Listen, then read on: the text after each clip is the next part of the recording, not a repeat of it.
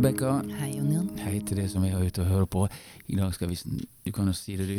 Ja, I dag skal vi snakke om hvordan du kan oppdage dine beste ressurser og faktisk realisere dine drømmer ved å gjøre det.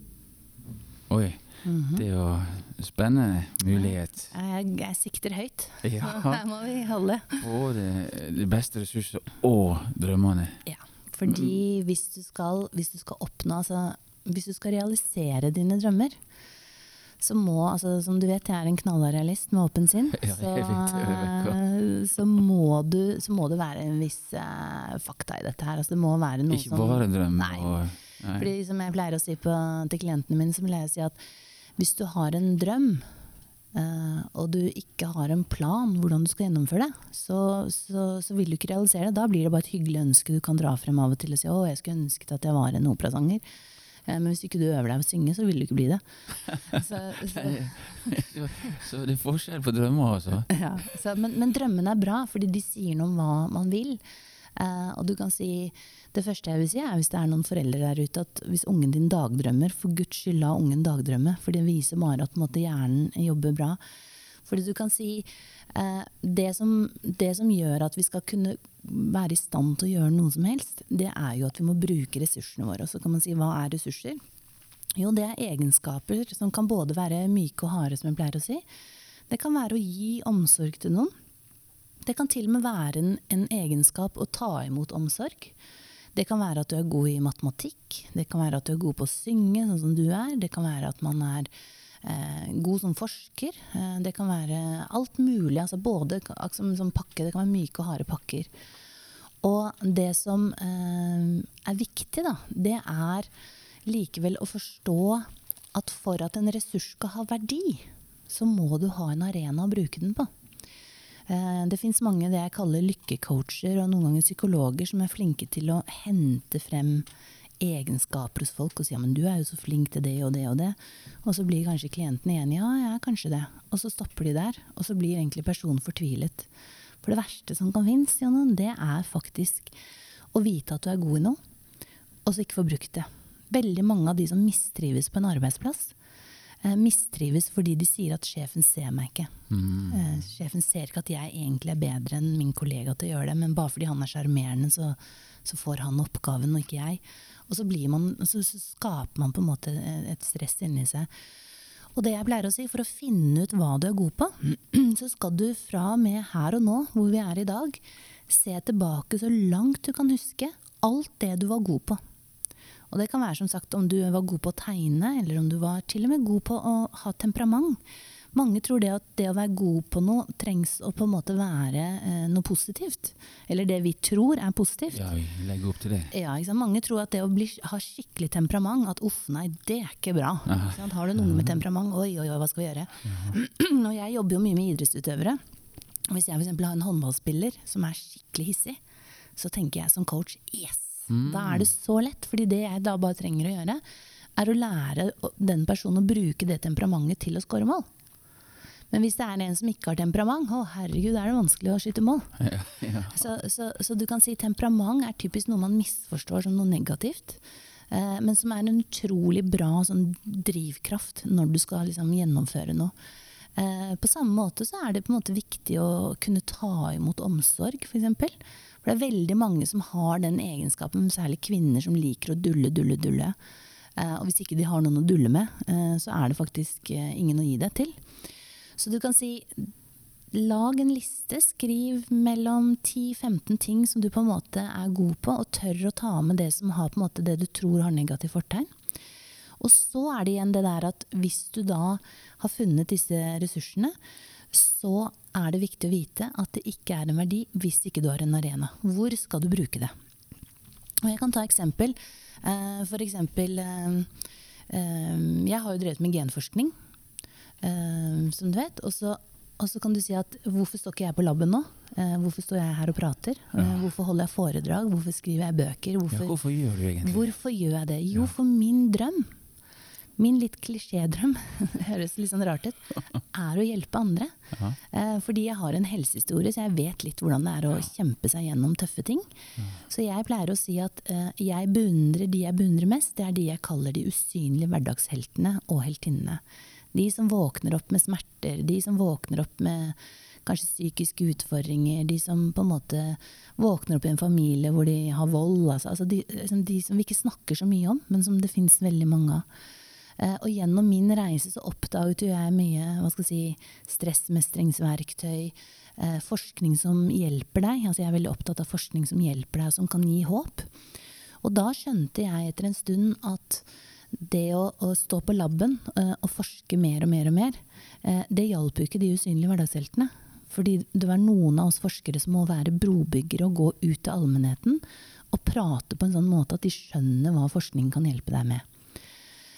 Uh, så på den måten så brukte jeg min ressurs på å være en god forsker til at jeg hva skal jeg si, jeg vokste opp i en historie Nei, ikke en historie, det også, men jeg vokste opp i en familie hvor vi alltid forteller historier. Ja. beste jeg visste da jeg var liten, det var å ligge på hytta med levende lys og høre foreldrene mine fortelle historier. Og etter hvert som jeg ble eldre og mamma, så begynte jeg å fortelle historier. Så kombinerte jeg på en måte min ressurs å være forsker eh, og vite hva som er kvalitetssikret forskning, med historiefortelling. Og så forteller jeg det ut i foredrag. Eh, og nå har vi også nettopp lansert det som heter Livslystmagasinet. Mm. Fordi jeg fant ut at alle mennesker som jeg kan hjelpe, er jo ikke på mine foredrag. Det er de som er heldige som har en arbeidsgiver som leier meg inn, eller en pasientforening eller Damenes aften. Og da fant jeg ut ok, hvis jeg, For jeg liker også å skrive. Og grunnen til at jeg liker å skrive, Jonan, det er en veldig rar historie. Det er fordi min mor kom fra Berlin, så jeg slet veldig med å skjønne når jeg snakket norsk og tysk da jeg var liten. Så da, da lærte jeg av faren min som er magister i psykologi, å skrive tre historier i uken om noe jeg syntes var morsomt. Og det han egentlig gjorde, var å lærte meg å skrive norsk, så jeg skulle takle norsken. Så du kan si jeg liker å skrive.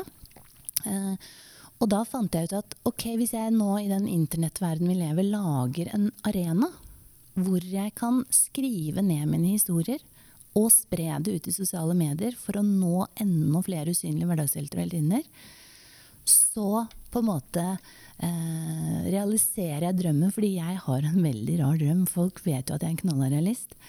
Men jeg elsker glossy-magasiner. ja. Fordi når jeg var liten Disse så, kalles motsetninger. ja, fordi når jeg var liten, så fikk moren min fra mormoren min i Tyskland sånne skikkelig sånne glossy motemagasinet, Og jeg elsket å ligge i badekaret med bobler og lese dette. Så jeg fortalte Torunn Pettersen, som er sjefsredaktør i Tara, at skulle bare visst, jeg realiserer drømmen min når jeg skriver en serie for dere. Så du kan si det jeg gjorde, var at jeg kombinerte forskeren, historiefortelleren, hun som liker å skrive, med Glossy magasin. Og så lagde jeg arenaen Livsstilsmagasinet. Og så realiserte jeg drømmen at nå er jeg til og med kan jeg, liksom, Det er jo ikke litt stort, men jeg kaller meg redaktør i Livsstilsmagasinet. Ja, ja, det- Og det er, en, det er en realisering av min drøm. Som de fleste ville sagt herregud, er det det genforskeren vil? Være liksom redaktør i Glossy magasin? Ja, jeg står innenfor det. Jeg syns det var gøy. Det er min drøm, og den er realisert. Gratulerer med Det er ikke lenge siden heller. er Nettopp. Jeg har jo også skapt meg en drøm. Jeg skal jo spille i Oslo Spektrum 6. november neste år. Ja, for hvordan er det? For du Ja. samler jo egentlig på damer. Hvordan, Ja. Også musikk. Ikke sant? Hvordan har du kombinert dine ressurser? Ja, ikke altså det begynte jo med, og det er derfor jeg tenker på den dullinga du snakka om i sted med disse seks Jeg hadde vokst opp med seks tante, barnløse tanter, Ja. så jeg ble jo dulla med fra jeg omtrent åpna øynene. Ja. Og det gjorde til at jeg begynte å samle på damer. Ja. Nå har jeg 101 stykker. ja, det er dødskult. Ja, kjempe, men, og, og, ut og ut fra det da, så har du, du kommet til det store prosjektet med Oslo Spektrum. Ja. At jeg våkna en morgen og så tenkte på alle damene og spurte hva jeg tenkte hva skal jeg gjøre med dem. Jo, Oslo Spektrum. Ja. Så jeg ringte om morgenen, booka Oslo Spektrum 6. november. ja. Da fyller vi huset. Så kult. Ja, det koster bare et par millioner, så foreløpig er det bare jeg og du som skal. Ja. Men det kommer flere. Det kommer, men drømmen er der. Ja, og du lagde en arena, Ja. ikke sant? Og du kan si, hvis, hvis jeg bare hadde sittet og drømt om å lage et magasin, så, så hadde det jo ikke skjedd. Eh, og da hadde jeg jo heller ikke realisert den opprinnelige, hva skal jeg si, dypeste drømmen jeg har med å hjelpe de usynlige hverdagsheltene og heltinnene. Og på samme måte som det er hvis ikke du har et sted å spille, så kan du sitte og spille i hodet ditt, men du må jo ha en scene å stå på. Og det er det som er viktig når du skal realisere drømmene dine. Det er først å finne dine ressurser, tørre å ta det som på en måte Mange ville sagt at det er negativt for en genforsker å like glossy magasin moteblader, men for meg var det kult. ikke sant? Så liksom, ikke ta, altså jeg pleier å si, ikke ta livet altfor alvorlig, for det er altfor seriøst til det. Ja, jeg si også det at det, det er jo det som er det fine med det, er at den kontrasten mellom genforskeren og Glossy magasin er at Mm. altså, jeg, jeg skrev jo filmmanus på heltid Ja, i ti ja, år. Både her og i Hollywood. Ja. Og eh, det eneste vi lette etter, var jo motsetninger. Ja. Hvis du går og ser på, på kino, så ser du karakterer som ikke har motsetninger, så blir de bare flate tegneseriefigurer. Mm. Det sammen samme du får noen som får indre motsetninger, som Glossy, Glossy Blad og Og- genforsker. ja. Så plutselig så blir det interessant. De gir jo folk Asperger og alt mulig rart for at de skal være interessante. Så det er jo der det ligger. Eh, må bare tilbake igjen til akkurat det med, med denne arenaen å bli sett, og, Mm, og, og, og spesielt menn.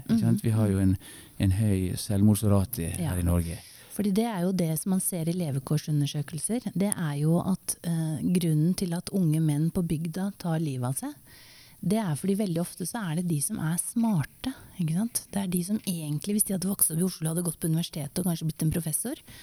Eh, og når de si, vokser opp i et miljø hvor det ikke er en selvfølge at de får brukt sin ressurs, og de ikke finner en arena, så føler de seg, de føler seg helt til overs. Ikke sant?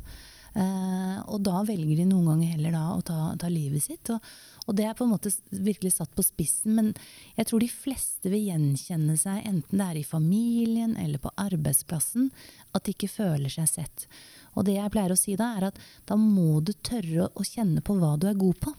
Du må legge janteloven til side, og så må du tørre å ta frem. Og veldig ofte så er det de ressursene vi liksom tror har negativ fortegn, som hjelper oss til å gjennomføre ting.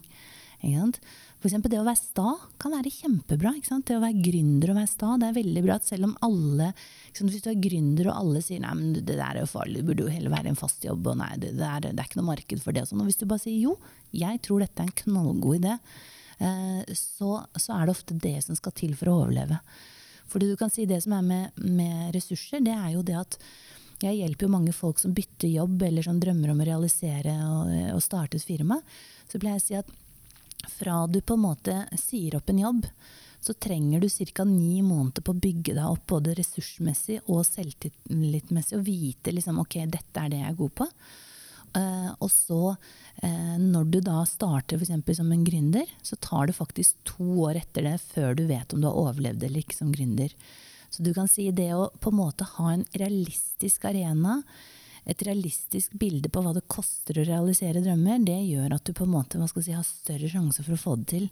Eh, Så hvis noen der ute som lytter på oss tenker at nå skal jeg realisere drømmer, ta først og skriv ned liksom ressursene. Ta gjerne og snakk med en som du stoler på om, om det er noen ressurser du har glemt. Eh, tør å ta ressursene med negativ fortegn og gjør de positive. Tenk på håndballspilleren som er sint, som da skyter bedre mål. Hvis du lærer deg å bruke sinnet når du skyter mål, og se skummelt på motstanderen din. Så liksom, og så har arena, og finn ut hvor arenaen er. Og er det ikke en arena, så lever vi i et så moderne samfunn med digitalt. Skap deg den arenaen. Ja, jeg sitter her og, og hører på hva du sier, og kom plutselig på at jeg har jo skrevet en bok som heter Dream Big. Ja. ja. Hadde glemt oppi det hele, men når du sier det, så henger dette her litt sammen. Det er jo også snakk om store drømmer, Ja. store mål, og sette seg mål. Ja. Men det er jo mange måter å drømme disse tingene på. Mm. Som jeg kan si det sånn at man kan drømme det urealistiske, realistiske, eller i hele tatt eh, Hvis ikke man tar sjansen for å forsvare, aldri svaret på det. Nei, ikke sant. Og og så er det ikke sant, det derre Sånn du med Dream Big, det er jo også på en måte et, et kvinneprosjekt hvor du hjelper kvinner. ikke sant? Og da bruker du ressursen at du samler på damer, du liker damer, eh, og du er god på å skrive, og du er god på historiefortelling, og så setter du det inn i arenaen boken, som folk faktisk kan kjøpe og lese. Takk, Rebekka. Det var fine avslutningsord for i dag. Takk skal du ha. Takk skal du ha, Takk til dere som har hørt på. Vi kommer tilbake igjen ganske kjapt med en ny liten podkast. Det. Ha det godt. Ha det.